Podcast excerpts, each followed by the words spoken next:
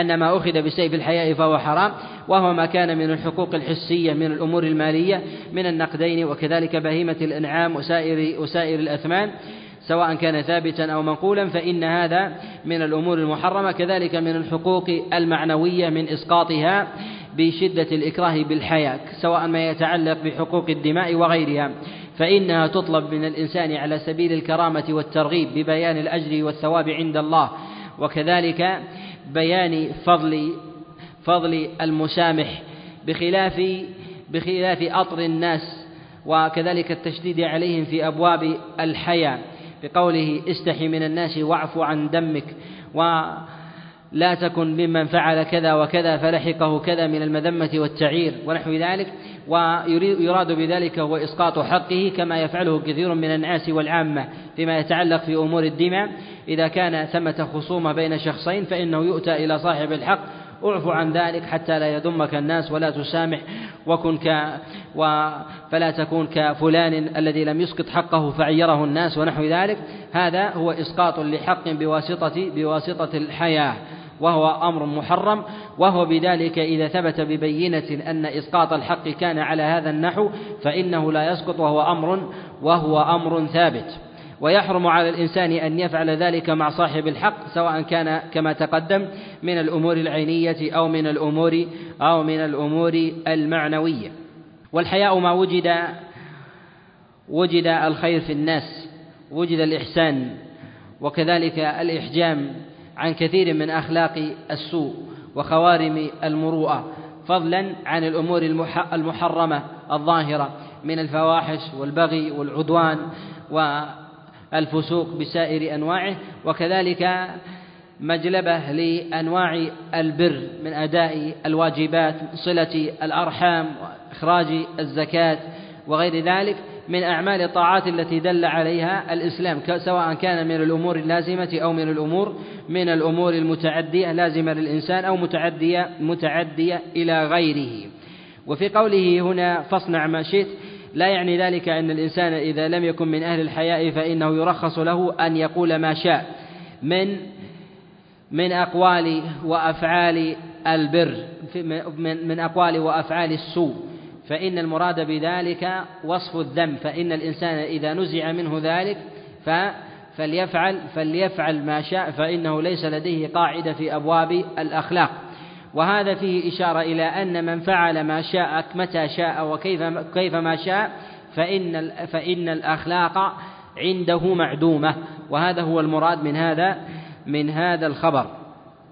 نعم. وعن أبي هريرة قال قال رسول الله صلى الله عليه وسلم إن الله تبارك وتعالى قال من عادى لي وليا فقد آذنته بالحرب وما تقرب إلي عبدي بشيء أحب إلي مما افترضته عليه وما يزال عبدي يتقرب إلي بالنوافل حتى أحبه حتى أحبه فإذا أحببته كنت سمعه الذي يسمع به. وبصره الذي يبصر به ويده التي يبطش بها ورجله التي يمشي بها ولئن سألني لأعطينه ولئن استعاذني لأعيذنه وما ترددت عن شيء أنا فاعله ترددي عن نفس عبد المؤمن يكره الموت وأنا أكره مساءته. في هذا الحديث علة قد تكلم عليها بعض النقاد وذلك أن شيخ شيخ البخاري فيها هو خالد بن مخلد القطواني. فقد أخرج هذا الخبر البخاري عليه رحمة الله تعالى فقال حدثنا محمد بن عثمان بن كرامة قال حدثنا خالد بن مخلد قال حدثنا سليمان بن بلال قال حدثنا شريك بن عبد الله ابن أبي نمر عن عطاء عن أبي هريرة عن رسول الله صلى الله عليه وسلم عن ربه وخالد بن مخلد القطواني قد تفرد به وقد تكلم عليه بعض الأئمة كالإمام أحمد عليه رحمة الله تعالى فقال إنه يروي المنكرات. وكذلك تكلم عليه بعضهم بهذا الخبر على وجه التخصيص كالإمام الذهبي عليه رحمة الله تعالى في ميزان الاعتدال فإنه قال لولا هيبة الصحيح يعني لرددته. وهذا الحديث إنما تكلم فيه لما تضمنه من بعض المعاني التي تفرد بها خالد بن مخلد. من في القول بأنه تفرد بها فيه نظر من جهة المعنى وإن كان قد تفرد بهذا اللفظ عن رسول الله صلى الله عليه وسلم إلا أنه قد جاء معنى ذلك في كلام الله جل وعلا وكذلك في كلام رسول الله صلى الله عليه وسلم وكذلك أيضا في غير ما خبر في كلام السلف الصالح كعمر بن الخطاب عليه رضوان الله تعالى وغيره مما يأتي الكلام عليه. قوله جل وعلا هنا من عاد لي وليا فقد بارزني بالمحاربة. المعاداة هنا إن صدرت من كل أحد فهو متحقق فيه هذا الوصف. كان سواء كان كبيرا أو صغيرا ذكرا كان أو أنثى سواء كان سلطانا أو أو من سائر من سائر الناس. من عاد لي وليا والمعاداة بأنواعها سواء كان ذلك بالأقوال والأفعال بالأقوال بسائر أنواع الأقوال أو كان كذلك أيضا بالأفعال بالتعدي على الأموال والأعراض وكذلك الدماء فإن هذا هذا من العدوان والعدوان على على مراتب. ومنها ما يتعلق بالأمور الحسية ومنها ما يتعلق بالأمور المعنوية ما يتعلق بالأمور الحسية ما يتعلق بالأموال وما يتعلق بما يتعلق بالأموال وما يتعلق بالدماء وما يتعلق بالأمور الحسية ما يتعلق بالأعراض بسائر أنواعها سواء بالسب والشتم والتنقص والتعير وغير ذلك. وقوله هنا وليا الله جل وعلا الله جل وعلا له ولايتان لعباده ولاية عامة وهي شاملة لسائر الخلق. فالله جل وعلا ولي أمرهم والذي يقوم بشأنهم ولاية خاصة وهي خاصة بأهل بأهل الإيمان. وهم يتفاوتون بحسب تحقق الإيمان فيهم كما أشار هنا في هذا الخبر ولا يزال عبدي يتقرب إلي بالنوافل حتى أحبه فإذا أحببته كنت سمعه الذي يسمع به وبصره الذي يبصر به. و والولاية المرادة هنا هي الولاية التامة التي يتعلق بها محاربة الله جل وعلا وهي تتجزأ بحسب تمكنها من الإنسان. فإذا كان الإنسان من أهل العبادة ولاية التامة فإن العداوة له عداوة لله جل وعلا ويتحقق فيه أكثر أكثر من غيره. ومن عاد لي وليا فقد بارزني بالمحاربة. وهذا كحال كحال محاربة محاربة آكل الربا لله سبحانه وتعالى. وقد جاء وصف من الفاعل بمحاربة الله جل وعلا في جملة من الأفعال في كلام الله جل وعلا وكلام رسول الله صلى الله عليه وسلم وبعض الأخبار عن السلف. منها ما يتعلق بآكل الربا وكما في آية الربا آيات الربا كذلك أيضا ما يتعلق بالولاية هنا في معاداة ولي الله جل وعلا. الأمر الثالث ما يتعلق بالارتداد عن دين الله سبحانه وتعالى وقد جاء في ذلك خبر في صحيح البخاري قال من حارب الله ممن ارتد عن الإسلام وقد رواه البخاري في عدة في عدة مواضع. وقد جاء في ذلك جملة من الأخبار في وصف في وصف من فعل شيئا في محاربة الله سبحانه وتعالى وأكثرها في ذلك في ذلك معلول. وصح ما جاء في هذا هي هذه المواضع هذه المواضع الثلاثة. يقول هنا فقد بارزني بالمحاربة والمراد بالمحاربة هو العداء فلم يكن ثمة ثمة تحقق ولاية خاصة بينه وبين الله سبحانه وتعالى. وذلك أن الله جل وعلا يكله إلى يكله إلى نفسه ومن وكله الله جل وعلا إلى نفسه فقد ضل وغوى ولم يهتدي. وقوله هنا وما يزال عبدي يتقرب إلي بالنوافل حتى أحبه فإذا أحببته كنت سمعه الذي يسمع به. الإكثار من التقرب بالنوافل لله جل وعلا بالنوافل هو من أعظم ما يحبب الإنسان إلى العبد. وإذا كان هذا في النوافل فهو في أمر الفرائض في المحافظة عليها على وجه التمام فهو فهو أعظم وأكثر. وقد تقدم معنا مرارا أن أعظم ما يتقرب به الإنسان إلى الله جل وعلا هو ما افترضه الله سبحانه وتعالى عليه. وما تقرب إلي عبد بأحب إلي مما افترضته عليه. ويأتي بعد ذلك مرتبة ما كان من جنس العبادة المفروضة فإنه بقدر تعظيمها وترتيبها في أمور المفروضات فإنه يأتي ترتيبها في أمور النوافل. فالصلاة هي الركن الثاني من أركان الإسلام نافلتها أعظم من نافلة بقية الأركان باعتبار تقدم المفروض فيها. كذلك أيضا يأتي بعدها الزكاة ويأتي بعدها الصيام والحج على اختلاف في الروايات في أركان الإسلام. وما لم يكن له أصل مفروض فإنه يأتي بعد ذلك مرتبة. فالصلاة والزكاة فالصلاة والصدقة وكذلك نافلة الصيام ونافلة الحج هي أعظم النوافل على الإطلاق أعظم النوافل العملية والمالية. وذلك لكون أصلها هو ركن من أركان الإسلام. وما لم يكن له أصل مفروض فإنه بحسب مرتبته ومرتبته هنا على نوعين. النوع الأول إذا كان هذا إذا كان هذا ليس له أصل مفروض ليس له أصل مفروض على صفة على سبيل الاستقلال وله أصل على سبيل التبع. كحال التسبيح والتحميد التحميد فرضه الله جل وعلا على عباده في الصلاة. ومن لم يسبح في مواضع التسبيح الواجبة فإن صلاته ليست بتامة. وهنا يقال أن هذا آكد وأعظم من النوافل التي لم تكن واجبة على سبيل التبع. الأمر الثاني وهي وهي المشروعات التي حث الشارع على فعلها ولم تكن واجبة على سبيل على سبيل التبع. فيقال أنها تأتي مرتبة بعد ذلك وذلك كجملة من النوافل كالسواك وغيره فإنه سنة ولا يقال بوجوبه وليس له أصل واجب في الإسلام فيقال أنه يأتي بعد ذلك بعد ذلك مرتبة. والعالم إذا عرف مراتب الخير فإنه يتعبد لله جل وعلا بما يكون أعظم أعظم له عند الله سبحانه وتعالى مرتبة. وهذا لا يدركه إلا إلا أهل العلم. ولهذا ذكر أسباب الولاية التي تقرب الإنسان لله جل وعلا بعد ذكر الولاية التي إذا تحققت في الإنسان فمن عاده فقد عاد الله سبحانه وتعالى. وقوله هنا ولا يزال عبدي يتقرب إلي بالنوافل حتى حتى أحبه. فإذا أحببته كنت سمعه الذي يسمع به. محبة الله جل وعلا التامة هي المراد هنا. وإلا فالأصل في ذلك أن كل كل مسلم يحبه الله جل وعلا. والمحبة المرادة هنا هي المحبة التامة. والله جل وعلا يحب ويحب وفيه إثبات صفة المحبة لله سبحانه وتعالى. حتى أحبه يعني حتى تتحقق صفة المحبة حتى يتحقق صفة المحبة على وجه التمام والكمال له. إن تقرب لله جل وعلا بالنوافل واجتنب اجتنب المحظورات فإنه يتحقق فيه أمر الولاية أمر الولاية التامة. فإذا أحببته كنت سمعه الذي يسمع به وبصره الذي يبصر به ويده التي يبطش بها. هذا سبب إنكار بعض العلماء لهذا الحديث حديث أبي هريرة. قالوا وذلك أن قوله هنا جل وعلا كنت سمعه الذي يسمع به وبصره الذي يبصر به أن هذا يتضمن يتضمن حلولا.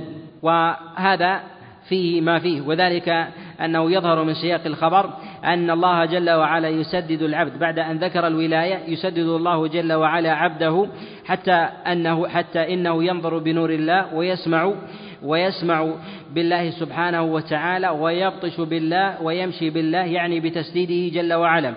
وقد جاء في بعض المرويات كما عند الحكيم الترمذي في نوادر الأصول في زيادة في هذا الخبر قال جل وعلا فبي يسمع وبي يبصر وبي يمشي وبي يبطش يعني بإعانة الله جل وعلا وتسديده. وهذا هو المعنى المذكور في قوله سبحانه وتعالى كما سبق وما رميت إذ رميت ولكن الله ولكن الله رمى. وهذا الحديث قد ظلت به طوائف من أهل من المنتسبين الإسلام وقد وقع في ذلك بعض المنتسبين إلى أهل العلم بتجويز بعض هذه العبارات وكذلك أخذ بعض كلام الفقهاء من مشايخ الحلولية وغيرهم الذين يتجوزون بإطلاق بعض الألفاظ أن الله جل وعلا حال في الجوارح في الجوارح والقوى وهذا من أقوال من أقوال الضلال. وقد جاء عن أبي الفداء ابن كثير عليه رحمة الله أن شيخ الإسلام ابن تيمية يجله حتى سمعه ينشد ما كان ما كان ينشده أرباب أرباب التصوف في قوله في قوله وحياتكم إذ أني لم أرى لكم سوى إذ أن الإله حل في الجوارح والقوى أو القوى وهذا عن ابن كثير عليه رحمة الله لما أراد بإطلاقه هنا ما تضمنه هذا الخبر ولهذا يقول الذهبي عليه رحمة الله تعالى في ترجمة الحافظ ابن كثير في كتابه السير قال كان شيخ الإسلام ابن تيمية يعظم أبا الفداء ابن كثير عليه رحمة الله حتى بلغه هذا الخبر فتألم لذلك وقال هذا كلام كلام الاتحادية.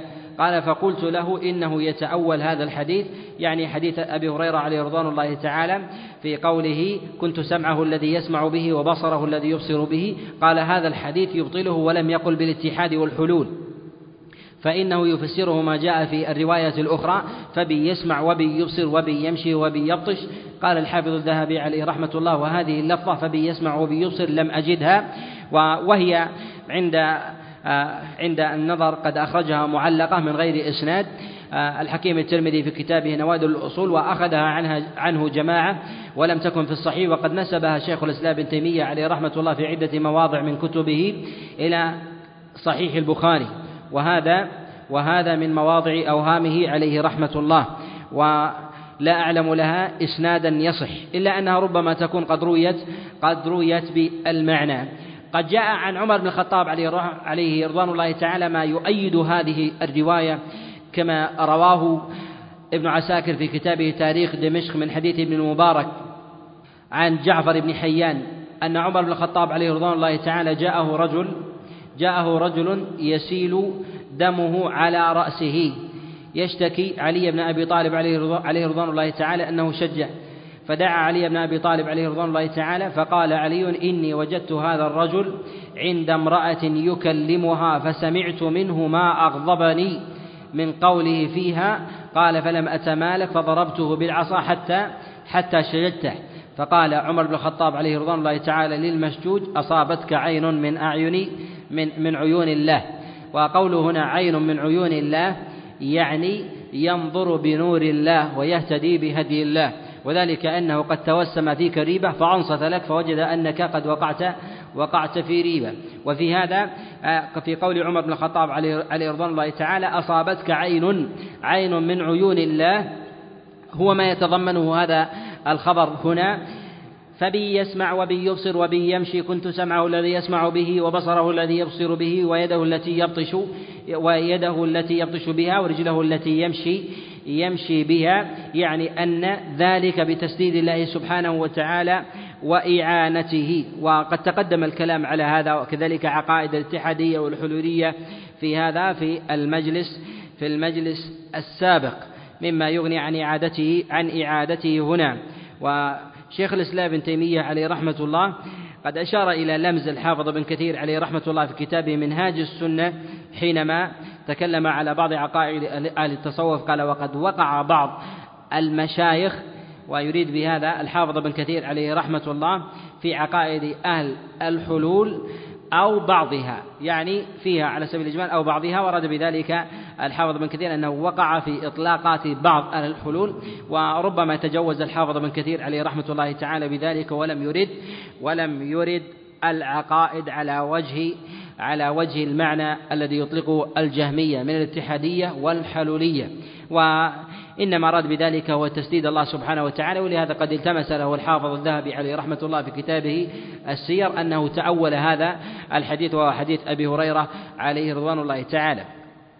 وقوله هنا كنت سمعه الذي يسمع به وبصره الذي يبصر به ويده التي آه، يمشي يبطش بها ورجله التي يمشي آه، بها ولئن سألني لأعطينه ولئن استعاذني لأعيدنه. يعني أن هذا يتحقق في الإنسان استجابة الدعاء. أن الله جل وعلا يجيب للإنسان دعاءه وهذا من ثمرة مراقبة الله سبحانه وتعالى ومتابعة آه، قول الله جل وعلا وعدم المخالفة. ولهذا كان السلف كثيرا في من يظهر فيه الزهد والديانة يقولون يقولون لا تنظروا إليه لا تنظروا إليه كنظر بعضكم لبعض فإنه عين من عيون الله أو من أهل من أهل الله. أو يسمع بسمع الله. ومرادهم بذلك أن هذا الرجل قد بلغ من الديانة والفضل ما ينبغي أن ينظر إليه أن ينظر إليه بنظرة بنظرة تختلف عن نظرتكم. ولئن سألني لأعطينه ولئن استعاذني لأعيذنه هذا يتضمن إجابة الدعاء وإجابة دعاء عبده من تحقق فيه تمام الولاية وفي قوله سبحانه وتعالى في هذا الخبر وما ترددت. هذا أيضا ربما يكون من أسباب إنكار بعض العلماء لبعض حديث خالد بن مخلد. والله جل وعلا لا يوصف بالتردد وهذا يكون من من أمور من أمور الأخبار التي توصف. التي التي من أمور الأخبار الفعلية التي تنسب لله سبحانه وتعالى. وقوله هنا قبض روح عبدي المؤمن راد بذلك أن الله جل وعلا يريد إسعاده وإعطاءه سؤله إن سأل طول العمر وحسن العمل. ولهذا يقال أن الله جل وعلا قدر المقادير. وهي أن للناس آجال ولهم أعمار محتومة لا يستأخرون ساعة ولا يستقدمون. والله جل وعلا يجيب لعبده سؤاله لئن سألني لأعطينه ولئن استعاذني لأعيدنه. فهو يسأل الله جل وعلا طول العمر. والله جل وعلا جعل له حتما لا يتأخر عنه. فكان هذا هو معنى التردد والغالب في ذلك في هذا أن الله جل وعلا يقبض يقبض روح عبده لأن الله سبحانه وتعالى يقدر لعباده أعمارا وآجالا معلومة لا يتأخرون ساعة ولا يستقدمون. نعم. صلى الله عليك وعنه قال قال رسول الله صلى الله عليه وسلم تعس عبد الدينار والدرهم والقطيفة والخميصة إن أعطي رضي وإن لم يعط لم يرضى. في هذا الحديث في قول رسول الله صلى الله عليه وسلم تعس عبد الدرهم. جاء بفتح العين وجاء بكسرها وصوب غير واحد الفتح كالفرة والكساء والكسائي وكذلك الزمخشري وغيرهم. تعس عبد الدرهم والدينار والخميصة والخميلة. والمراد بذلك الذي يعبدها ولا يعمل إلا إلا لأجلها وهذا لا يتحقق في مؤمن. والمؤمن إنما يفعل ويمسك لأجل الله سبحانه وتعالى وإرضائه وإذا كان في جملة الأمور المباحة من غير أمور العبادات فإنه يتعلق بالدنيا تعلقا لا يخرجه عن طور العبادة وإنما يعينه يعينه عليها. وقد تقدم الكلام أن الله سبحانه وتعالى في كتابه العظيم لم يذم مرة في كتابه الدنيا على سبيل العموم إلا بعد أن يذكر كونها سببا من سببا من أسباب هضم حق الآخرة. فمن تحصل له ذلك مع ذاك يعني تحصل له شيء من الدنيا من غير إضرار بآخرة فإن هذا من الأمور التي ليست بمذمومة في الشرع. والله جل وعلا والله جل وعلا ذم الدنيا بذلك القيد فحسب. قوله هنا تعس عبد الدرهم. المراد بالتعاسة في لغة العرب يقال تعس فلان إذا سقط على وجهه. وهذا دعاء أن يخر الإنسان الذي يطلب الدنيا ويقدمها على الآخرة أن يكون على وجهه. وجاء في بعض الألفاظ تعس وانتكس. تعس وانتكس قيل بالمراد بالانتكاسة هنا أي أنه ينتكس بالتعاسة. كلما قام سقط مرة أخرى وهذا دعاء له على ذلك أي أن من كان من جعل الدنيا بين من جعل الدنيا همة جعل الله فقره بين عينيه فلم يتحصل له المقصود فهو يريد السعادة والتعلق والتعلق بأذيالها وأهدابها ولم يتحصل له شيء من ذلك فجعل الله جل وعلا نصب عينيه الفقر الفقر والهم. وهذا دعاء من رسول الله صلى الله عليه وسلم لعبد الدينار والدرهم. وإنما وصف بالعبودية. هل هو على سبيل على سبيل العبودية المنافية للتوحيد أم ذلك على على سبيل التجوز؟ أو المراد بذلك هي العبودية اللغوية التي تجعل الإنسان يتذلل لي يتذلل للدينار والدرهم كما جاء في وصف سائر من من عصى الله جل وعلا أنه اتخذ إلهه هواه فكل عاص اتخذ إلها من دون الله جل وعلا. وهو الهوى ولكنه من جهة الاصطلاح الشرعي لا يؤصف بذلك. ولعل المراد بهذا هو الاصطلاح اللغوي إلا في حال من قدم الدنيا على الآخرة بالإطلاق فتحقق فيه التزندق أو الإلحاد فلم يثبت الله جل وعلا حقا في ربوبيته وألوهيته ولا أسمائه وصفاته فقال أنه لا إله إنه لا إله إله ولا إله والحياة مادة فكان متزندقا ولا يؤمن ولا يؤمن بشيء. وهذه هي المادية المحضة. وهذه هي أولها في عبودية الدينار والدرهم وإنما قدم الدينار لكونه أثمن فالإنسان يتذلل له أكثر من أكثر من الدرهم. ومعلوم أن الدينار الدينار اثنا عشر درهما والدينار يكون من الذهب والدرهم يكون من من الفضة. والعبودية هنا هي التي تجعل الإنسان يتذلل لمعبوده سواء كان دينارا أو درهما أو كان أو كان من الناس من الخلق من الذكر والأنثى أو كان من من الجن. والمراد بذلك أن الإنسان يدور مع هذه المادة أينما دارت ولهذا ذكر أنواعها ما كان من النقدين من الذهب والفضة وكذلك أيضا ما كان من الملبوسات. من التحلي بزينة الدنيا. وقد وصفها الله جل وعلا بذلك في قوله جل وعلا خذوا زينتكم عند كل مسجد. والمراد بهذه الزينة هي اللباس. وقوله هنا الخميصة والخميلة هي نوع من أنواع الأكسية المحببة عند العرب وهو شامل لسائر أنواع الأكسية التي يتعلق بها الإنسان. وهي مذمومة إن جعلت الإنسان يحجم عن مواضع الخير.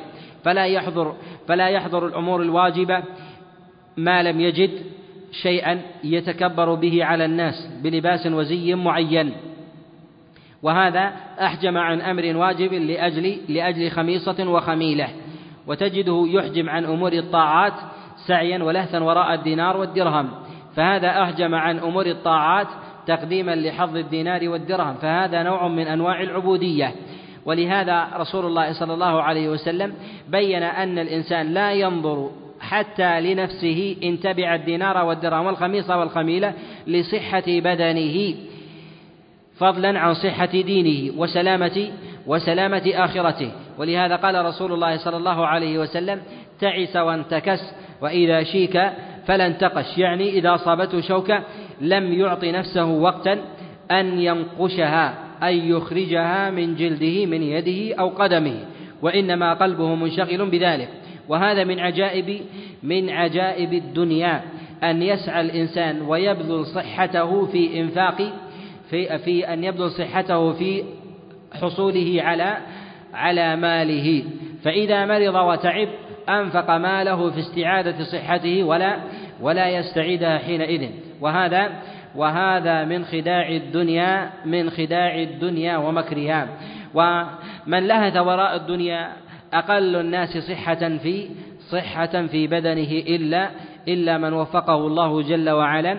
في قوله هنا فإذا شيك فلا فلا انتقش. وعطف النبي عليه الصلاة والسلام على صاحب الدنيا في تمام الخبر. لصاحب الآخرة في قوله عليه الصلاة والسلام طوبى لآخذ بعنان فرسه في سبيل الله. إذا كان في الحراسة فهو في الحراسة وإذا كان في الساقة فهو في الساقة. إن استأذن لم يؤذن له وإن استشفع لم يشفع. في قوله عليه الصلاة والسلام طوبى اختلف في هذا المعنى وقد جاء في كلام الله جل وعلا قيل أنه شجرة في الجنة وقيل ان أنه هو خير عميم يتوعد به لا يبين قدره. طوبى لمن أخذ أو آخذ بعنان فرسه يعني ممسك بها في سبيل الله لا يملك إلا إياها. إن كان في الحراسة فالحراسة وإن كان في الساقة فهو في الساقة. وهذا من أفضل أو أقوى الأحاديث التي جاءت في فضل الحراسة في سبيل الله. هو الحديث عينان لا تمسهما النار وذكر منهما عين باتت تحرس في تحرس في سبيل الله. يعني لا يضره إن كان في حراسة أو كان في ساقة. لا يضره إن كان في جيش ويمضي فيهم أو كان في حراسة يحرس في سبيل الله. إن استأذن لم يؤذن له من أمير من أمير الجيش. وإن أراد أن يشفع لم يشفع. فليس بمعروف ولا يؤبه ولا يؤبه به وحاله كما ذكر رسول الله صلى الله عليه وسلم أشعث أشعث الرأس مغبر القدمين.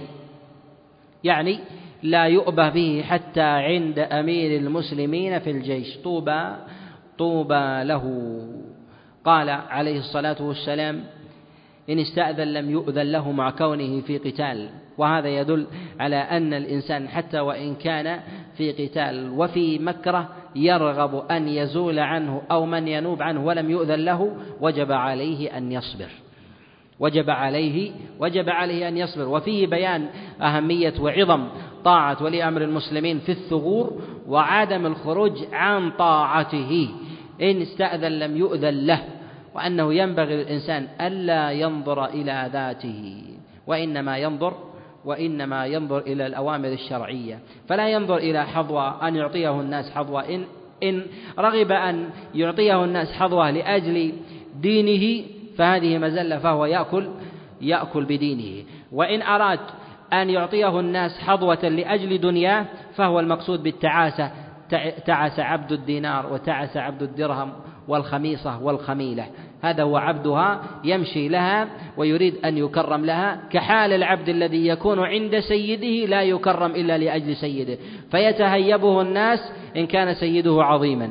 ويذله الناس إن كان سيده محتقرا كحال الذي يعبد الدينار والدرهم إن كان له دينار عظمه الناس وإن كان له درهم عظمه الناس وإن لم يكن له دينار ولا درهم لم يكن عظيما عند الناس فهو الذي يدور معها ويرغب التعظيم كذلك. ولهذا النبي عليه الصلاة والسلام بين الذي يطلب الآخرة. والذي يطلب المقام عند الله جل وعلا أن أن له طوبى فلم يعرف بشيء من أمور الدنيا وإنما يرجو ما عند الله سبحانه وتعالى يعني أنه إن أذن له فحصل له مقصوده وإن لم يؤذن له ولم يؤبه له فهو ماضي في أمر في أمر الخير. وكذلك فإن مقام الناس عند الله جل وعلا بحسب أعمالهم في الآخرة. لا بحسب حظوظ الدنيا وجمع المال والركون إليها وجمع الدنانير والدراهم وغير ذلك. كذلك فيه إشارة إلى أنه ينبغي للإنسان مهما تزود من العلم وتزود من العبادة ينبغي ألا يشتري بهذه العبادة ولا بهذه العلم رضا الناس. وأنه إن لم يمدح أو لم يكرم ومر بطريق أو مر عنده شخص ولم يسلم عليه ولم يأبه له ينبغي ألا يرفع بذلك ألا يرفع بذلك رأسا لأنه يعمل لله يتعبد لله ويتعلم لله أحبه الناس سلموا عليه أكرموه أو لم يكرموه هو إن أعطي إن أعطي فحسن وإن لم يعطى فلا شيء. فلا شيء يؤثر عليه حينئذ. لهذا ذكر النبي عليه الصلاة والسلام من أعلى مقامات الأعمال وهو الجهاد في سبيل الله. تجرد من الدنيا مع ذلك يستأذن ولم يؤذن له ويشفع ولم ولم يشفع. نعم. أحسن الله إليك. وعنه عن النبي صلى الله عليه وسلم قال إذا عطس أحدكم فليقل الحمد لله وليقل له أخوه أو صاحبه يرحمك الله. فإذا قال له يرحمك الله فليقل يهديكم الله ويصلح بالكم. تقدم معنا الكلام على هذه هذه المسائل ما يتعلق مسألة العطاس وأحكامها في قصة التشميت. هذا حمد الله فشمته وهذا لم يحمد الله فلم أشمته تكلمنا على هذه المسائل مما يغني مما يغني عن إعادتها هنا في هذا في أول كتاب في أول كتاب الجامع. في هذا القدر كفاية. نعم. سؤال؟ نعم. نعم. أفضل من سائر النوافل. نافل تقصد نافلة العلم؟ يقول هنا نافلة الصلاة. هل هي أفضل من نافلة العلم؟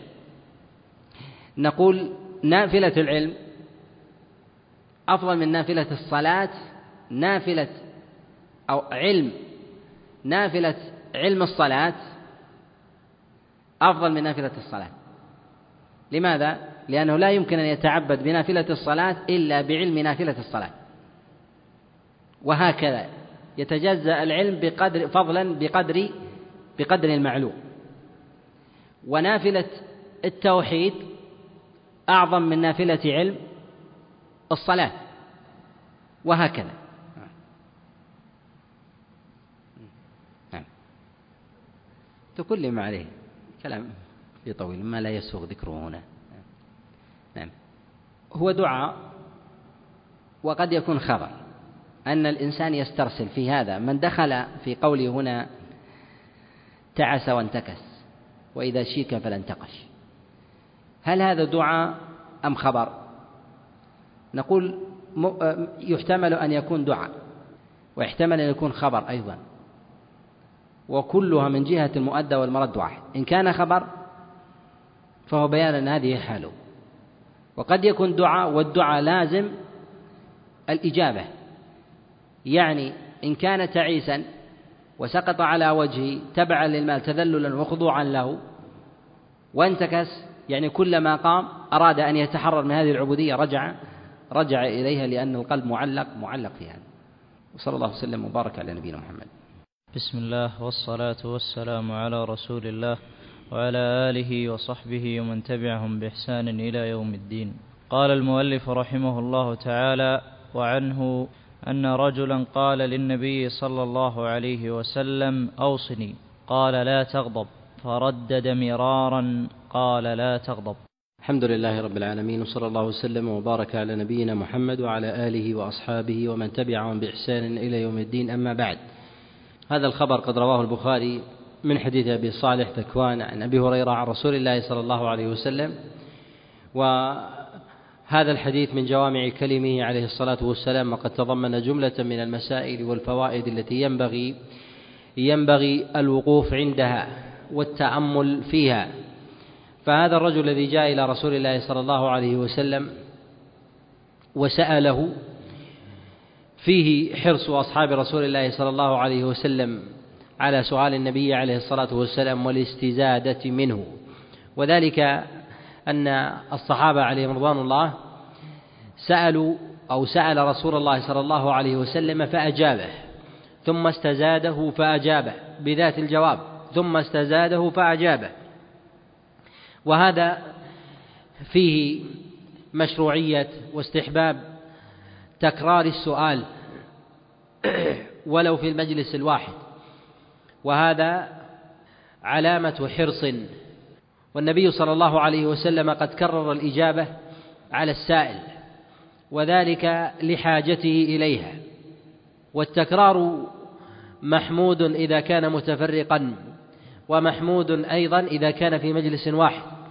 ومن قال إن تكرار الكلام في المجلس الواحد أو في الجملة الواحدة ليس بمستحب فهذا مخالف لهدي وطريقة رسول الله صلى الله عليه وسلم في حديثه. وقد تقدم معنا أن رسول الله صلى الله عليه وسلم كان يكرر الكلام. وقد كان عليه الصلاة والسلام إذا تكلم تكلم ثلاثا وإذا سلم سلم ثلاثا حتى يسمع يسمع منه. وكذلك أيضا وكذلك أيضا في تكرار الكلام مزيد إفهام وتأمل فربما عرض الكلام للإنسان اعتراضا لا يتأمله حتى يمر عليه مرة ثم أخرى. فربما استنبط الإنسان من الكلام الذي يمر عليه مرتين أكثر من الكلام الذي يمر عليه مرة. وهذا في جوامع الكلم أكثر وأظهر من تفصيله.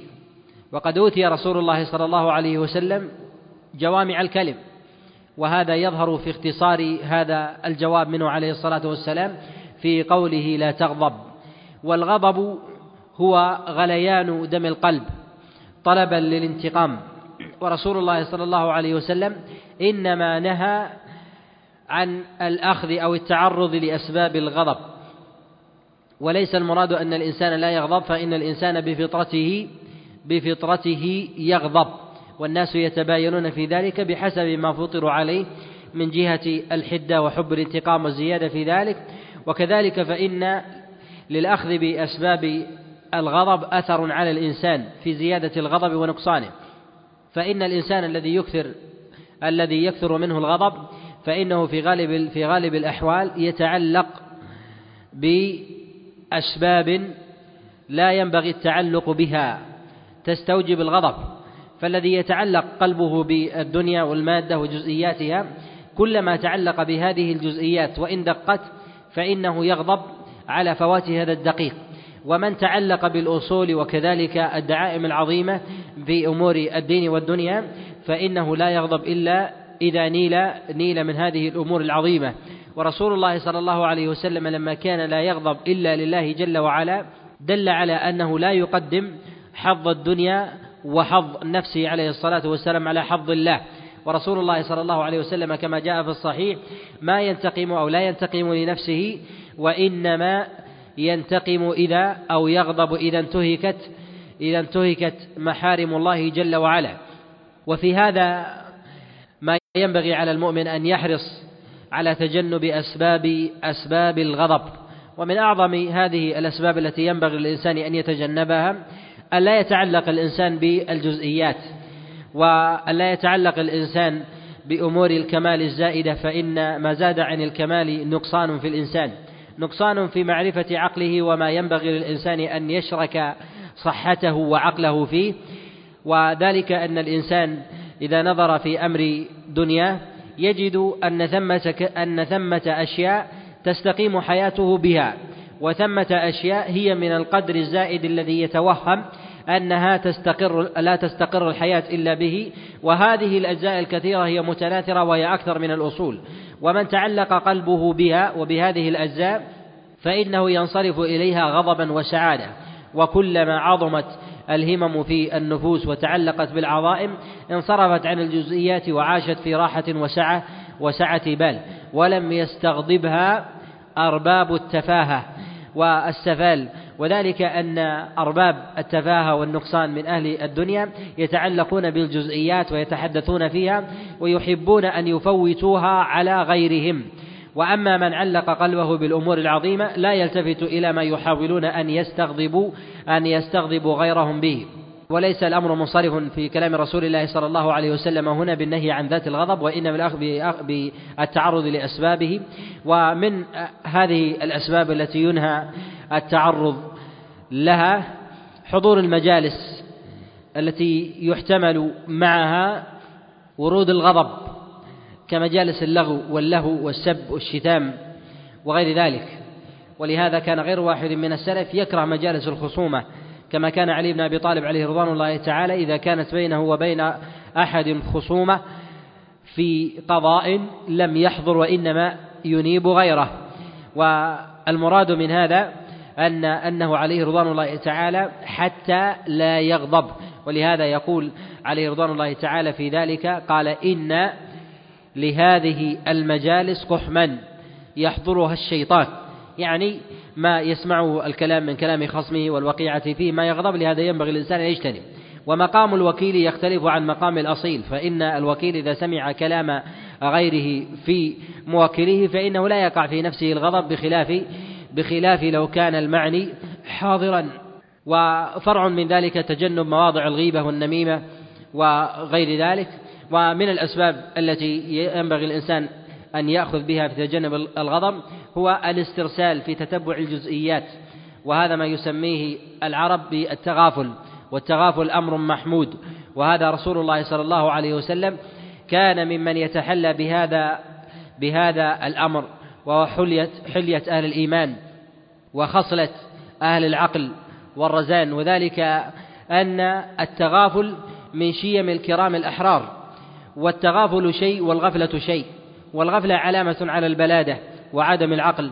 وأما التغافل فهو العلم ولكن لا يتتبع الإنسان هذه الجزئيات ويسأل عنها وإنما يكون عنده شيء من ذلك لا يستقصيه. فإن الاستقصاء يتضمن سماع يتضمن سماع قول ثم ثم قول. حتى تكون الجزئيات الجزئيات عظائم في نفس في نفس الإنسان. ولهذا لما قيل عند الإمام أحمد عليه رحمة الله تعالى كما رواه البيهقي في شعب الإيمان وكذلك أبو بكر بن أبي الدنيا أن رجلا عند الإمام أحمد ذكر التغافل فقال تسعة أعشار العافية التغافل. فقال الإمام أحمد عليه رحمة الله بل هو عشرة أجزائها يعني هو العافية هو العافية كلها. وفي هذا من العقل وكذلك أيضا الحصافة ما ينبغي للإنسان ألا يتبع أمثال ما يصل إليه من دقائق الأمور مما يتعلق في نفسه أو في غيره. ولهذا رسول الله صلى الله عليه وسلم ما يقع في بيته؟ لا يتبعه نفسه بالاستخبار والبحث. ولهذا النبي عليه الصلاة والسلام لما وقع في حادثة حفصة عليه رضوان الله تعالى النبي عليه الصلاة والسلام اكتفى بالإلماحة وذلك أنه عرف بعضه وأعرض عن بعض. وهذا نوع وهذا نوع جليل من أنواع من أنواع التغافل وهو عافية عافية النفس. وثمة أمور شرعية ينبغي للإنسان أن يأخذ بها. من هذا الاستعاذة من الشيطان الرجيم فإنه يحضر عند الغضب ويجري من ابن آدم مجرى الدم. كذلك أن يغير الإنسان أن يغير الإنسان حاله. إذا كان قائما أن يجلس فإنه أدعى للبعد عن الانتقام فإن الإنسان إذا سمع شيئا يغضبه وهو قائم فإن ذلك أدعى إلى الانتقام بخلاف لو تحول من مكانه من موضع إلى من موضع إلى آخر.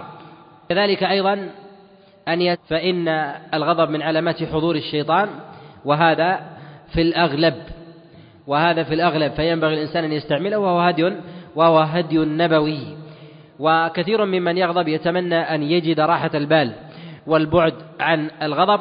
ولهذا رسول الله صلى الله عليه وسلم قال للرجل الذي قد انتفخت أوداجه حينما وقع في خصومة قال عليه الصلاة والسلام إني لأعلم كلمة لو قالها لذهب عنه ما يجد. قالوا ما هي رسول الله؟ قال أعوذ بالله من الشيطان الرجيم. وذلك أنه ينبغي الإنسان أن يستعيد عند عند الغضب. وفي هذا الحديث أيضا رد على الجبرية الذين يقولون بأن الإنسان مجبور لا خيار له وهذا رسول الله صلى الله عليه وسلم ينهى الإنسان عن الأخذ ينهى الإنسان عن الغضب والتعرض لأسبابه. فإذا كان الإنسان مجبورا فلا يمكن أن يتحقق معه النهي الذي وجهه رسول الله صلى الله عليه وسلم. وفي هذا أيضا أن رسول الله صلى الله عليه وسلم يوجه الجواب إلى أصحابه بحسب حال السائل وبحسب المقام. فرسول الله صلى الله عليه وسلم تارة يسأل ويستوصى ويستنصح فيجيب بجواب مغاير لموضع سابق ولموضع آخر وذلك لحال السائل. فرسول الله صلى الله عليه وسلم يباين بالجواب بحسب حال السائل ومعرفة حال السائل من الأمور المهمة عند العالم حتى يعطيه من الجواب ما ما ينفع. وهذا يظهر في تكرار رسول الله صلى الله عليه وسلم له بقوله لا تغضب لا تغضب لا تغضب إشارة إلى أن هذا السائل يقع لديه من من الغضب والحدة مما مما يزيد عن غيره فاحتاج إلى فاحتاج إلى الوصية بهذا. ومن نظر إلى كثير من أسباب الأمور المحرمة يجد أن منبعها هو الغضب فالانتقام للنفس بسفك الدماء أو إتلاف الأموال. أو بالسباب والشتام وإطلاق اللسان باللعن والقذف لا يكون من شخص مطمئن البال وإنما من شخص في حال غضب سمع شيئا فأراد أن يرده على غيره. وهذا وهذا من الأمور التي ينبغي الإنسان أن يحتاط فيها لدينه. وفي هذا أيضا من المسائل المتعلقة التي أرادها رسول الله صلى الله عليه وسلم أنه يحتمل في جوابه أن يقصد رجلا آخر غير السائل وهذا يرد في في بعض أجوبة النبي عليه الصلاة والسلام أن السائل يكون لديه علم ولكنه يقصد الآخر. ويظهر هذا في حديث جبريل لما جاء إلى رسول الله صلى الله عليه وسلم وسأله عن الإسلام. والنبي عليه الصلاة والسلام يعلم حاله وعلمه لحاله يظهر في قوله عليه الصلاة والسلام ما المسؤول عنها بأعلم من السائل لما سأله عن عن الساعة. وذلك أنه لا حرج على الإنسان أن يسأل علما لديه لديه منه نصيب وافر أو لديه ما هو أتم من المسؤول حتى يعلم حتى يعلم غيره. وقد يكون هذا من المرادات في هذا الحديث. نعم. الله إليك. وعنه قال قال رسول الله صلى الله عليه وسلم من يرد الله به خيرا يصب منه. في قوله عليه الصلاة والسلام من يرد الله به خيرا يصب منه. في هذا إثبات الإرادة لله سبحانه وتعالى في قوله جل وعلا من يريد في قوله عليه الصلاة والسلام من يريد الله به خيرا. والإرادة على نوعين إرادة شرعية وإرادة كونية. وقوله عليه الصلاة والسلام من يريد الله به خيرا الخير عام في سائر المنح التي تمنح الإنسان وكذلك أيضا ما يحبس عن الإنسان من المصائب والبلايا والأضرار التي تلحق به فهذه كلها من الخير. فإذا نزل على الإنسان خير أو قدر زائد وأعطي ووهب فإن هذا من الخير سواء كان من المال والبنين. أو كذلك أيضا يدخل في أبواب الخير ما يرفع عن الإنسان من البلاء. وقوله هنا عليه الصلاة والسلام من يرد الله به خيرا يصب منه. الخيرية هنا في أبواب الإصابة والمصائب التي تلحق الإنسان هي شاملة لكل أحد تصيبه مصيبة أن الله جل وعلا يريد به خيرا. وهل هذا على الإطلاق في سائر الأفراد؟ يقال ليس هذا على الإطلاق ولكنه على الأغلب. وقوله هنا يصب منه. هذا في أشهر في أشهر الألفاظ والضبط بكسر الصاد وفي كلام بعض المحدثين بفتحها يصب منه والمراد بيصب منه أو يصب منه يعني أن الله جل وعلا هو الذي أصابه ويصب منه أن الله جل وعلا يقيض له من أسباب البلاء والمصيبة ما تلحقه وقوله هنا يصب منه إشارة إلى أن الأمر متعلق بذاته. وكلما استحكم استحكمت المصيبة في ذات الإنسان كلما كانت أعظم أثرا أثرا على الإنسان في عاقبة في عاقبة أمره. والمصائب التي تحل بالإنسان هي من الله جل وعلا قطعا ويريد الله سبحانه وتعالى بها تكفيرا للإنسان. ولهذا قد روى البخاري ومسلم من حديث أبي هريرة وأبي سعيد قال رسول الله صلى الله عليه وسلم ما أصاب مسلم من مصيبة ولا هم ولا وصب ولا حزن إلا كفر الله به كفر الله به من خطاياه. فهذه المصائب تكون من التكفير. إذا فقول النبي عليه الصلاة والسلام من يريد الله به خيرا أن المراد بهذا أحد أنواع الخير لا عمومي وهو أن الله جل وعلا يرفع عن الإنسان من البلاء والآثام التي على كاهله. وليس المراد بهذا أن الله سبحانه وتعالى يعطيه يعطيه خيرا زائدا. ولهذا فإن المصائب لا لا تعظم أجور العباد إلا باعتبار الأثر ولكن الله جل وعلا يكفر بهذه المصائب من سيئات العباد. أما الأجر الزائد فهذا يظهر في حال الموازنة فإن الله سبحانه وتعالى إذا كفر للإنسان ذنبه بتلك المصيبة زاد عند الموازنة زادت عند الموازنة حسناته. فيقال أن العبد فيقال إن العبد هنا زيد في حسناته وهذا باعتبار المآل. أما من جهة التحقيق فإن الإنسان إذا أصيب بمصيبة لا يتحقق له النوع الأول من أنواع الخير الذي تقدم الإشارة إليه وإنما المراد بذلك هو النوع الثاني وهو أن الله سبحانه وتعالى يدفع عنه من الآثام والأوزار التي عليه. وهذا جاء عن غير واحد من السلف. فقد روى ابن أبي شيبة في كتابه المصنف من حديث عمرو بن شرحبيل أن عبد الله بن مسعود عليه رضوان الله تعالى قال إن المصائب لا يعطي الله جل وعلا بها أجرا ولكن يكفر الله بها من الخطايا الأجر بالعمل. وهذا قد جاء عن غير واحد عن غير واحد من السلف. ومن العلماء من قال أن الله جل وعلا يثيب العبد بالمصيبة التي تصيبه. والصواب في ذلك أن الله جل وعلا يكفر بها من عبده وهذا نوع من تحقق الفضل على العبد. فإن الإنسان إذا نزل به ضر ثم رفع عنه أعظم نفعا من أن يعطى خيرا لم يكن لديه. وهذا وإن كان يتفاوت بحسب الخير الذي الموهوب وبحسب الشر المرفوع عن العبد إلا أن الأغلب أن الضر إذا نزل على الإنسان ثم رفع عنه. وعلم أن الله جل وعلا أزاله عنه بأي نوع من من أنواع من أنواع الإزالة فإن هذا أعظم أثرا في نفسه في نفس الإنسان.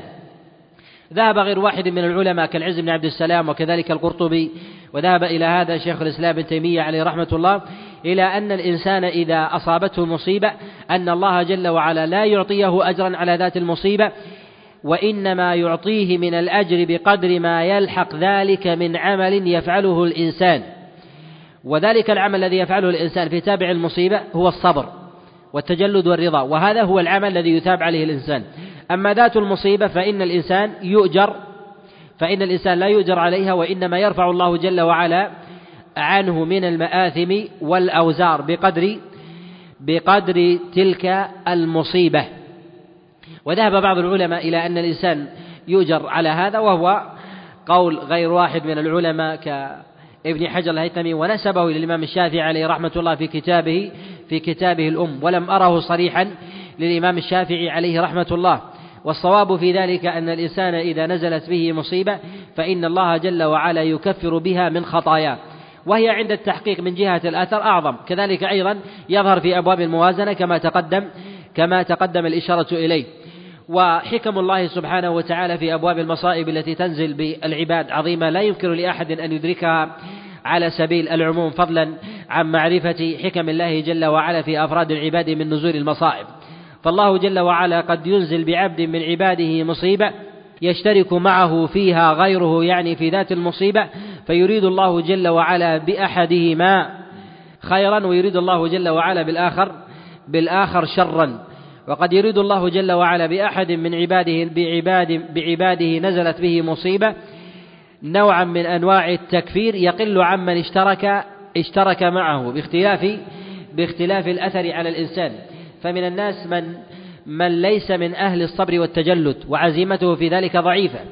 فالأثر في حقه من جهة من جهة نزول المصيبة أعظم من غيره. فقد يشترك اثنان في مصيبة نازلة يعظم أجر. هذا بتكفير ذنبه ويكون ذلك دونه بحسب بحسب الأثر المترتب عليه. كذلك فإن الله جل وعلا ربما يسلب من عبده مالا.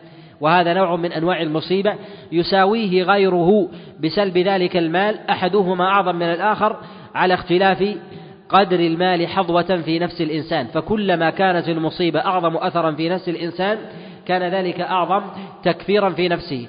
فالدينار والدرهم في نفس الإنسان يختلف يختلف بحسب غيره بحسب غيره. فمن الناس من مصيبته في الدينار أعظم من مصيبة غيره في مئة دينار وذلك لغنى النفس أو غنى المال.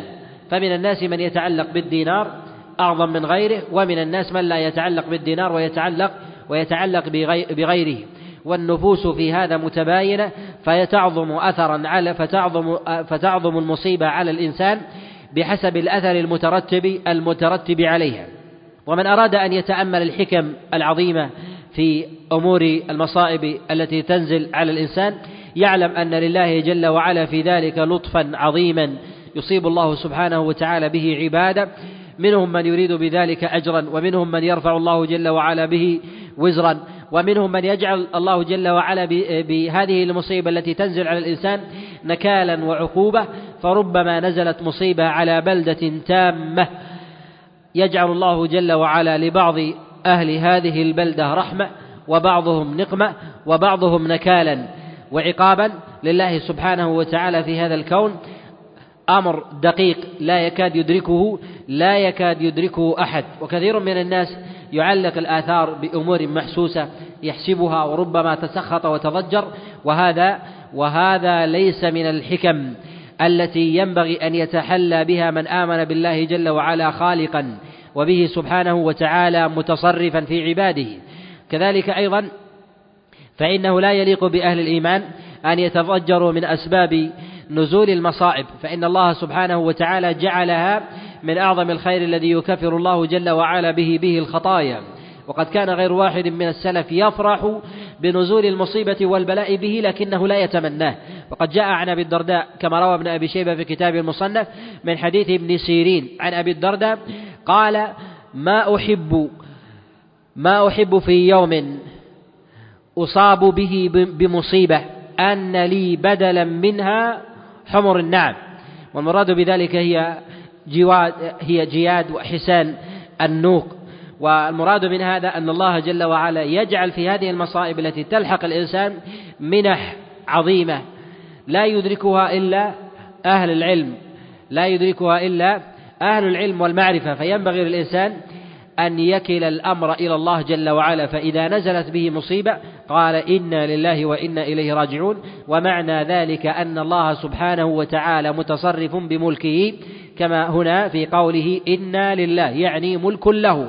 يأخذ منا بعضا أو يأخذ أو يأخذ منا ما يريد أو أخذنا كلنا. فهذا من حق الله سبحانه وتعالى وحده. إنا لله وإنا إليه راجعون. يعني في ملك الله سبحانه وتعالى في الحال وكذلك أيضا في ملك الله جل وعلا في المآل يعني بعد الممات. وهذا غاية التسليم. والإنسان إنما يعظم أجره عند الله جل وعلا إذا نزلت به مصيبة بالصبر والرضا.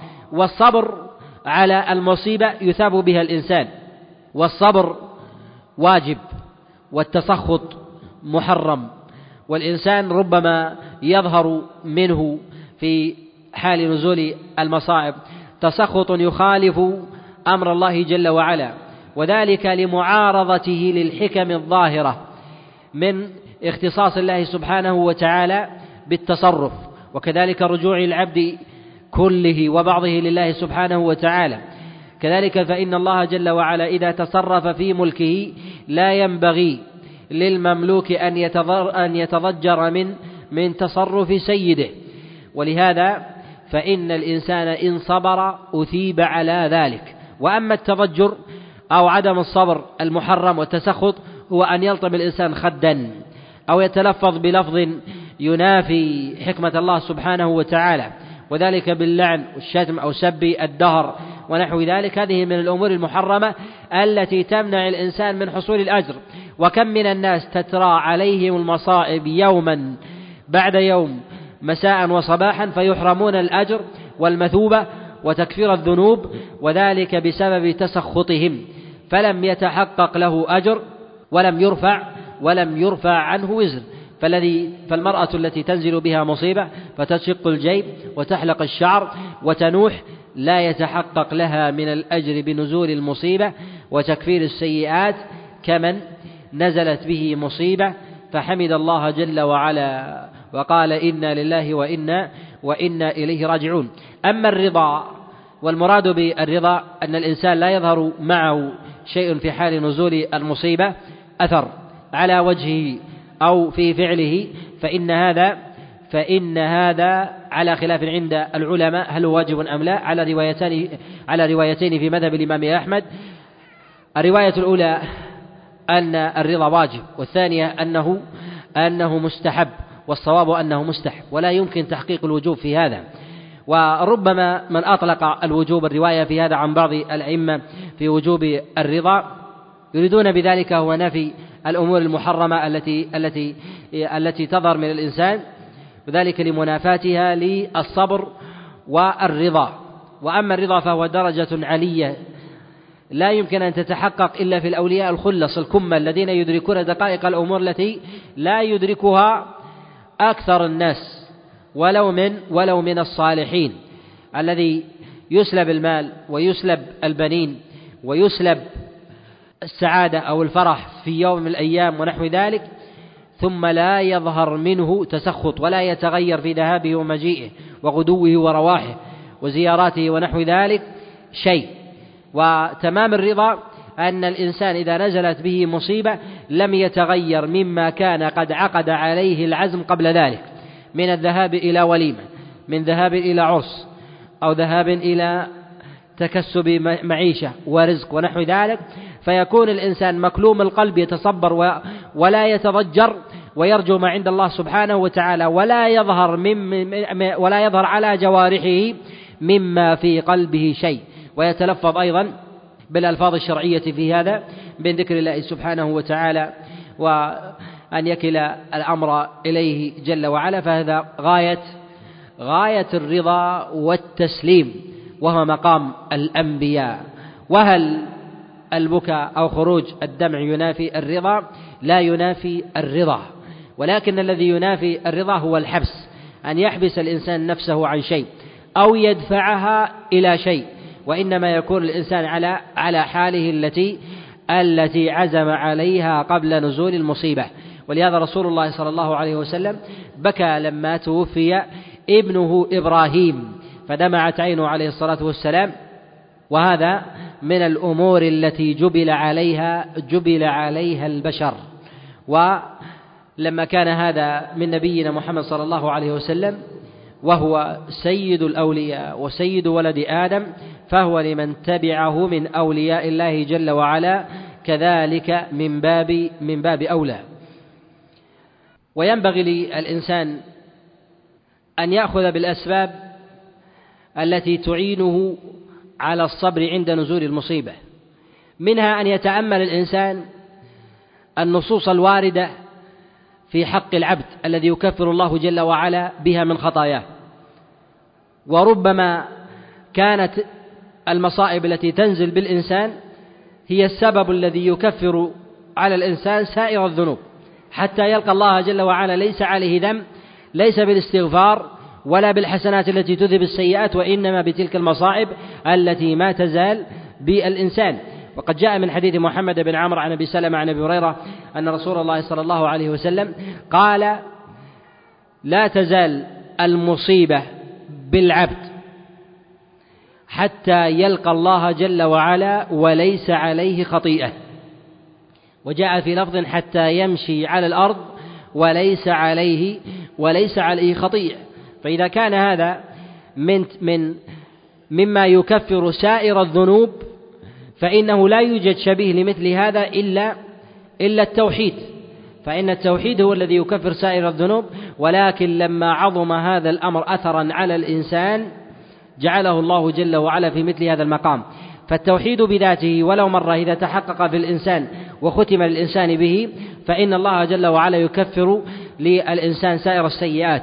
وأما المصائب التي تلحق بالإنسان فلا بد من أن تتتابع على الإنسان مرة بعد مرة حتى تزيل سائر سائر الذنوب بالإنسان.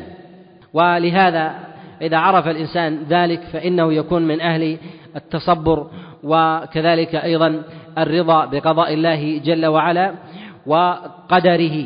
كذلك أيضا من الأمور المعينة على هذا أن يعلم الإنسان أن الله جل وعلا إنما يتصرف في ملكه كحال الرجل حينما يتصرف في عبده ومولاه وأمته فإذا تصرف بهما بأمر ونهي وتكليف ومشقة فإنه لا يحب أن أن يتضجروا من قوله أو فعله فإن تضجروا من قوله أو فعله وجد في نفسه. فإذا أدرك هذه الحقيقة البشرية فإن ذلك في حق الله سبحانه وتعالى ينبغي أن يكون في العبد أكثر تسليما. أن يسلم لله جل وعلا تصرفه تصرفه فيه. كذلك أيضا من الأمور المهمة في هذا أن الله جل وعلا يكرم العبد بهذه المصائب أن يرجع إلى الله وأن يمنحه الله سبحانه وتعالى البعد عن الذنوب والمعاصي والعوارض التي تجعل على قلب الإنسان غشاوة. فإن الإنسان لا يمكن أن يعرف قيمة النور إلا بعد أن يكون في الظلمة. ولا يمكن أن يعرف قيمة الصحة حتى يعرف المرض. ولا يمكن أن يعرف الإنسان قدر نعمة المال حتى يعوز ويكون من أهل الفقر والفاقة. ولا يمكن أن يعرف الإنسان قدر الحياة حتى يشرف على الموت. فإذا كانت هذه من المنح التي يجعلها الله جل وعلا في العبد ثم يزيد الله سبحانه وتعالى العبد كرما فوق هذا أن من مرض أو سافر كتب الله جل وعلا له ما يعمل وهو صحيح مقيم. وقد جاء في البخاري من حديث أبي موسى أن رسول الله صلى الله عليه وسلم قال إذا مرض العبد أو سافر كتب الله له ما يعمل وهو صحيح وهو صحيح مقيم. فإذا كان هذا في حال نزول المصيبة التي جعل الله جل وعلا للإنسان فيها كفارة ثم الأجر ماضي على الإنسان فإن الإنسان إذا شغله عن العبادة مرض. وكان قبل ذلك يؤديها على سبيل التمام كتب الله جل وعلا له ذلك. وكلما عظمت المصيبة على الإنسان فكانت عليه أعظم أثرا كانت كان الثواب الذي يجري عليه أدوم. فالإنسان الذي يؤدي الصلاة في المسجد ثم أصبح أشل لا يستطيع الذهاب يكتب الله جل وعلا له أجر الجماعة حتى يلقى الله سبحانه وتعالى. ومن أصبح ومن كان يصوم النهار ويقوم الليل ثم مرض فلم يستطع ذلك فإن الله جل وعلا يجري له من العمل حتى يصح أو يلقى الله سبحانه وتعالى.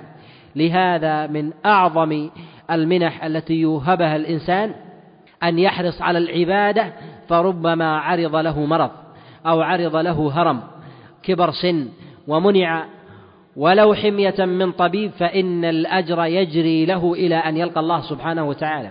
وكم من الناس هو من أهل الحرمان في هذا؟ من المقلين والمسرفين بالعبادة فإذا نزلت به المصيبة تفكر ورجع فإذا عمله خالي. ليس من أهل الإكثار بالطاعات فلم يجري له في حال مرضه إلا إلا ما كان عليه قبل قبل ذلك. كذلك فإن الإنسان لا يدري لا يدري ماذا يعرض له فربما عرض له إعاقة. أو عرض له مرض يحبسه طويلا فإنه أحوج ما يكون إلى استغلال الحياة بالطاعات. كذلك فإن الإنسان إذا نزلت به مصيبة تذكر النعمة المقابلة التي سلبها في حال نزول المصيبة. ولهذا قد روى البيهقي في كتاب شعب الإيمان من حديث من حديث أبي غياث عن بكر بن عبد الله المزني قال من أراد أن يعرف نعمة الله عليه فليغمض عينيه. يعني أغمض عينيك لتعرف نعمة البصر. وهذا في حال تعمد الإنسان لمعرفة نعمة هو أراد حبسها عن نفسه. فكيف إذا نزلت به ولا يملك الإنسان إعادتها إليه؟ وهذا وهذا ظاهر. فإن الإنسان حينما يغمض عينيه ويريد في ذلك أن يتدارك وأن يعرف نعمة البصر تذكر نعمة البصر. وهو يملك الإعادة فلها أثر في نفسه وهو الذي فعلها ولديه اختيار بأن يعيدها. فكيف إذا نزلت به مصيبة لا يدري هل تعود إليه أم لا ثم تعود إليه بعد إياس فهذا أعظم أثرا بالقرب من الله سبحانه وتعالى والدنو والدنو منه. نعم. صلى الله عليك وعنه قال قال رسول الله صلى الله عليه وسلم من يرد الله به خيرا يصب منه. في قوله عليه الصلاة والسلام من يرد الله به خيرا يصب منه. في هذا إثبات الإرادة لله سبحانه وتعالى. في قوله جل وعلا من يريد في قوله عليه الصلاة والسلام من يريد الله به خيرا. والإرادة على نوعين إرادة شرعية وإرادة كونية. وقوله عليه الصلاة والسلام من يريد الله به خيرا الخير عام في سائر المنح التي تمنح الإنسان. وكذلك أيضا ما يحبس على الإنسان من المصائب والبلايا والأضرار التي تلحق به. فهذه كلها من الخير. فإذا نزل على الإنسان خير أو قدر زائد وأعطي ووهب فإن هذا من الخير سواء كان من المال والبنين. أو كذلك أيضا يدخل في أبواب الخير ما يرفع عن الإنسان من البلاء.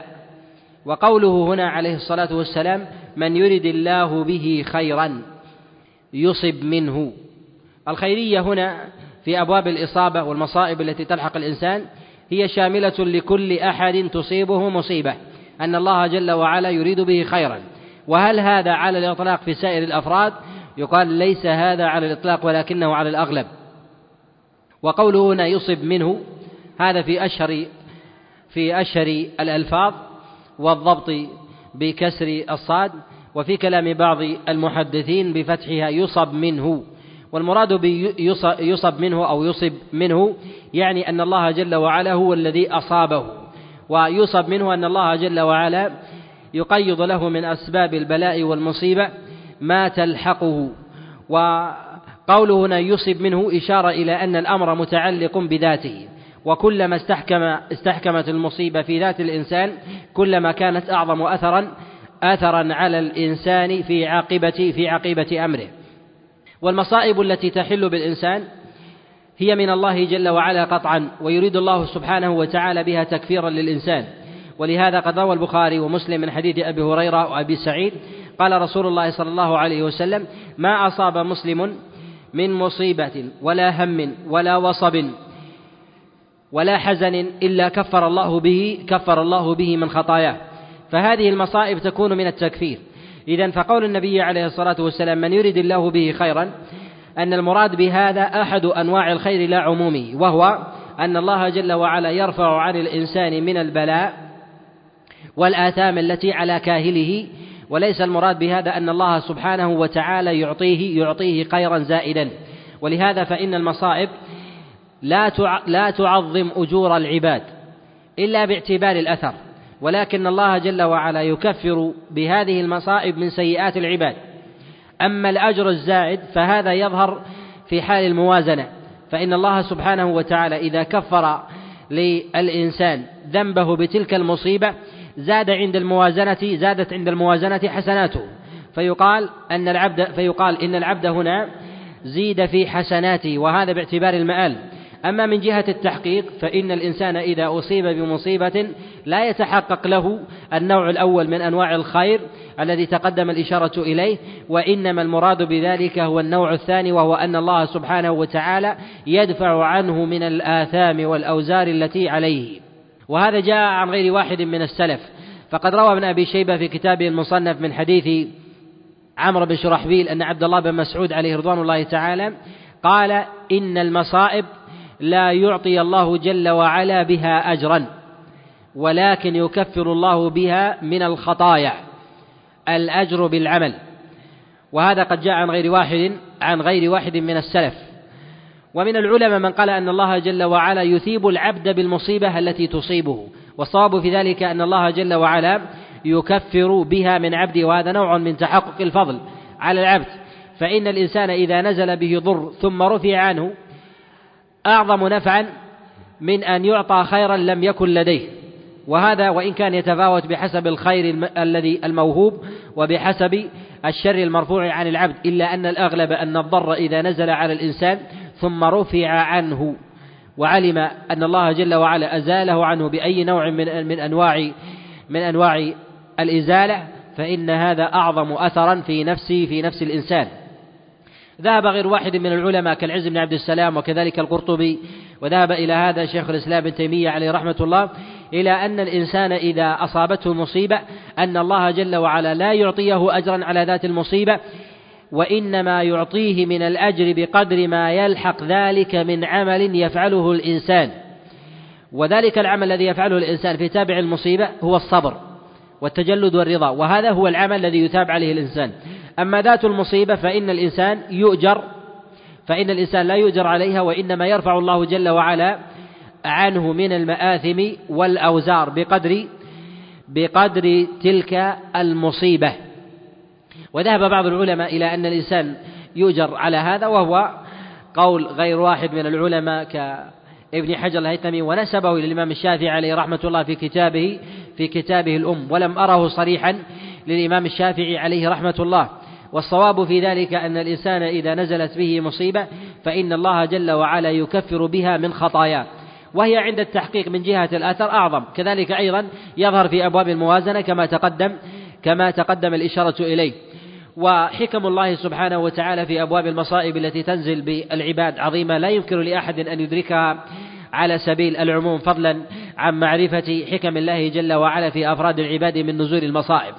فالله جل وعلا قد ينزل بعبد من عباده مصيبة يشترك معه فيها غيره يعني في ذات المصيبة فيريد الله جل وعلا بأحدهما خيرا ويريد الله جل وعلا بالآخر بالآخر شرا.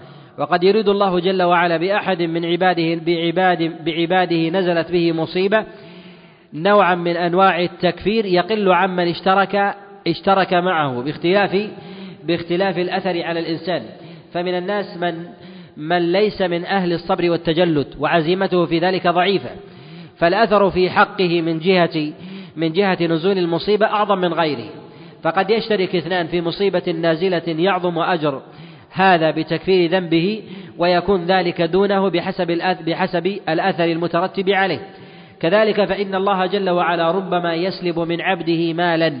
وهذا نوع من أنواع المصيبة يساويه غيره بسلب ذلك المال أحدهما أعظم من الآخر على اختلاف قدر المال حظوة في نفس الإنسان. فكلما كانت المصيبة أعظم أثرا في نفس الإنسان كان ذلك أعظم تكفيرا في نفسه. فالدينار والدرهم في نفس الإنسان يختلف يختلف بحسب غيره بحسب غيره. فمن الناس من مصيبته في الدينار أعظم من مصيبة غيره في مئة دينار وذلك لغنى النفس أو غنى المال. فمن الناس من يتعلق بالدينار أعظم من غيره ومن الناس من لا يتعلق بالدينار ويتعلق ويتعلق بغيره. والنفوس في هذا متباينة فتعظم أثرا على فتعظم فتعظم المصيبة على الإنسان بحسب الأثر المترتب المترتب عليها. ومن أراد أن يتأمل الحكم العظيمة في أمور المصائب التي تنزل على الإنسان يعلم أن لله جل وعلا في ذلك لطفا عظيما يصيب الله سبحانه وتعالى به عبادة. منهم من يريد بذلك أجرا ومنهم من يرفع الله جل وعلا به وزرا. ومنهم من يجعل الله جل وعلا بهذه المصيبة التي تنزل على الإنسان نكالا وعقوبة فربما نزلت مصيبة على بلدة تامة. يجعل الله جل وعلا لبعض أهل هذه البلدة رحمة وبعضهم نقمة وبعضهم نكالا وعقابا.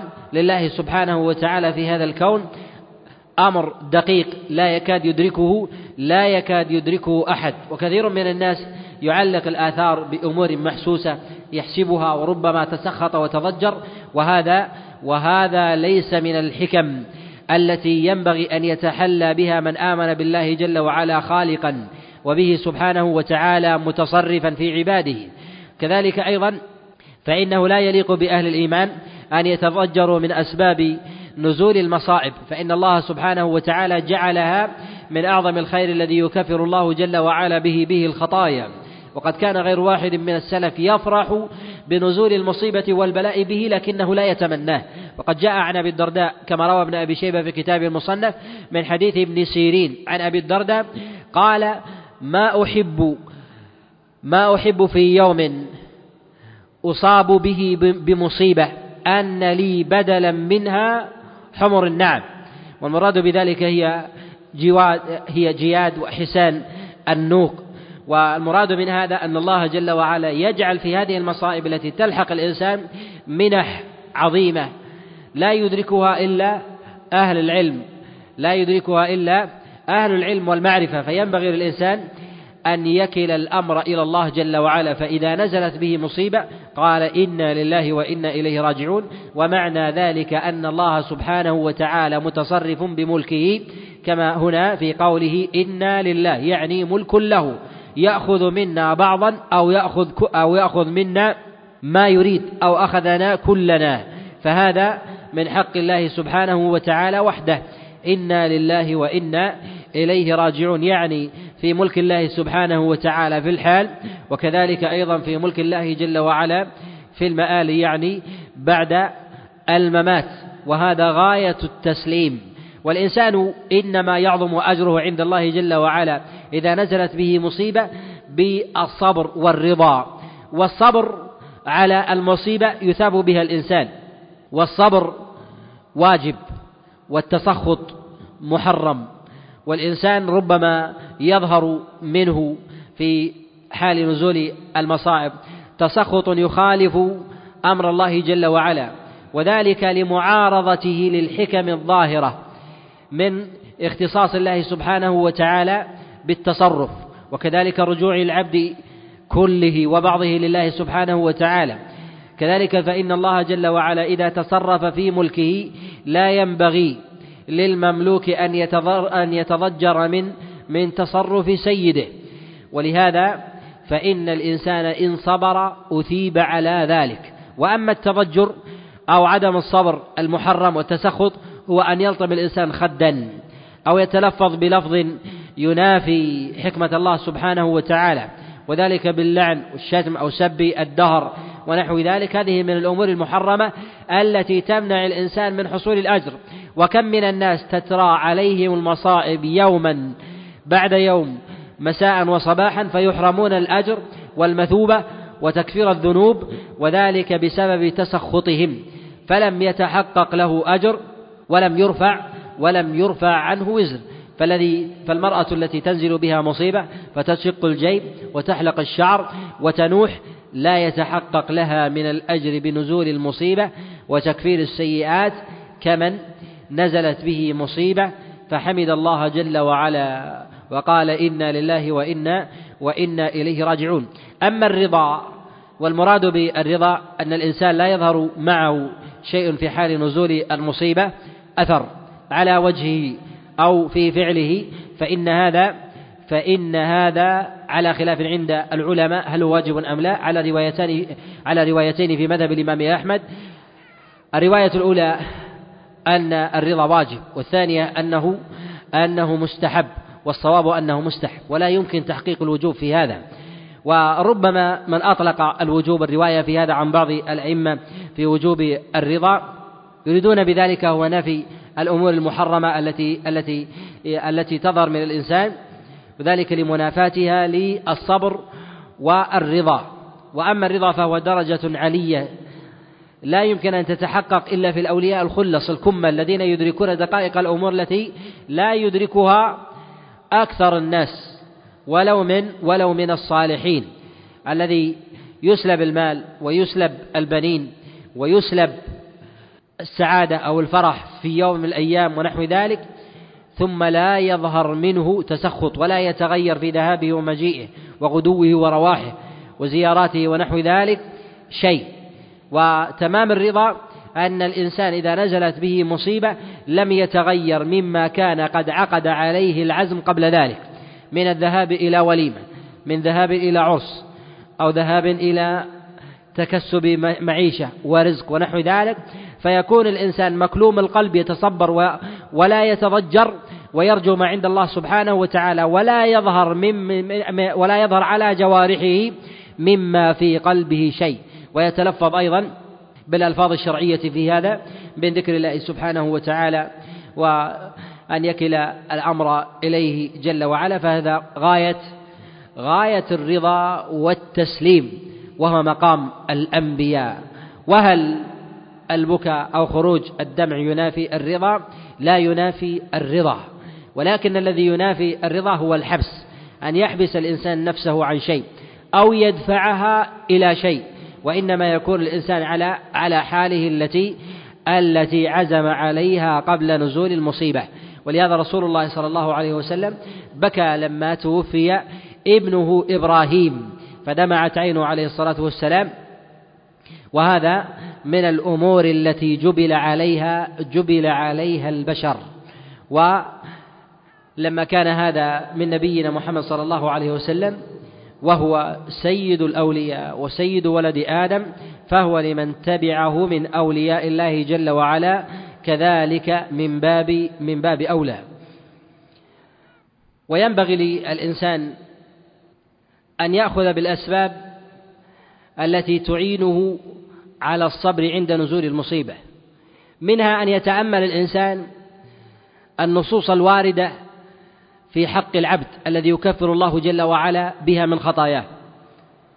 وربما كانت المصائب التي تنزل بالإنسان هي السبب الذي يكفر على الإنسان سائر الذنوب حتى يلقى الله جل وعلا ليس عليه ذنب ليس بالاستغفار ولا بالحسنات التي تذهب السيئات وإنما بتلك المصائب التي ما تزال بالإنسان. وقد جاء من حديث محمد بن عمرو عن أبي سلمة عن أبي هريرة أن رسول الله صلى الله عليه وسلم قال لا تزال المصيبة بالعبد حتى يلقى الله جل وعلا وليس عليه خطيئة وجاء في لفظ حتى يمشي على الأرض وليس عليه وليس عليه خطيئة. فإذا كان هذا من من مما يكفر سائر الذنوب فإنه لا يوجد شبيه لمثل هذا إلا إلا التوحيد. فإن التوحيد هو الذي يكفر سائر الذنوب ولكن لما عظم هذا الأمر أثرا على الإنسان جعله الله جل وعلا في مثل هذا المقام.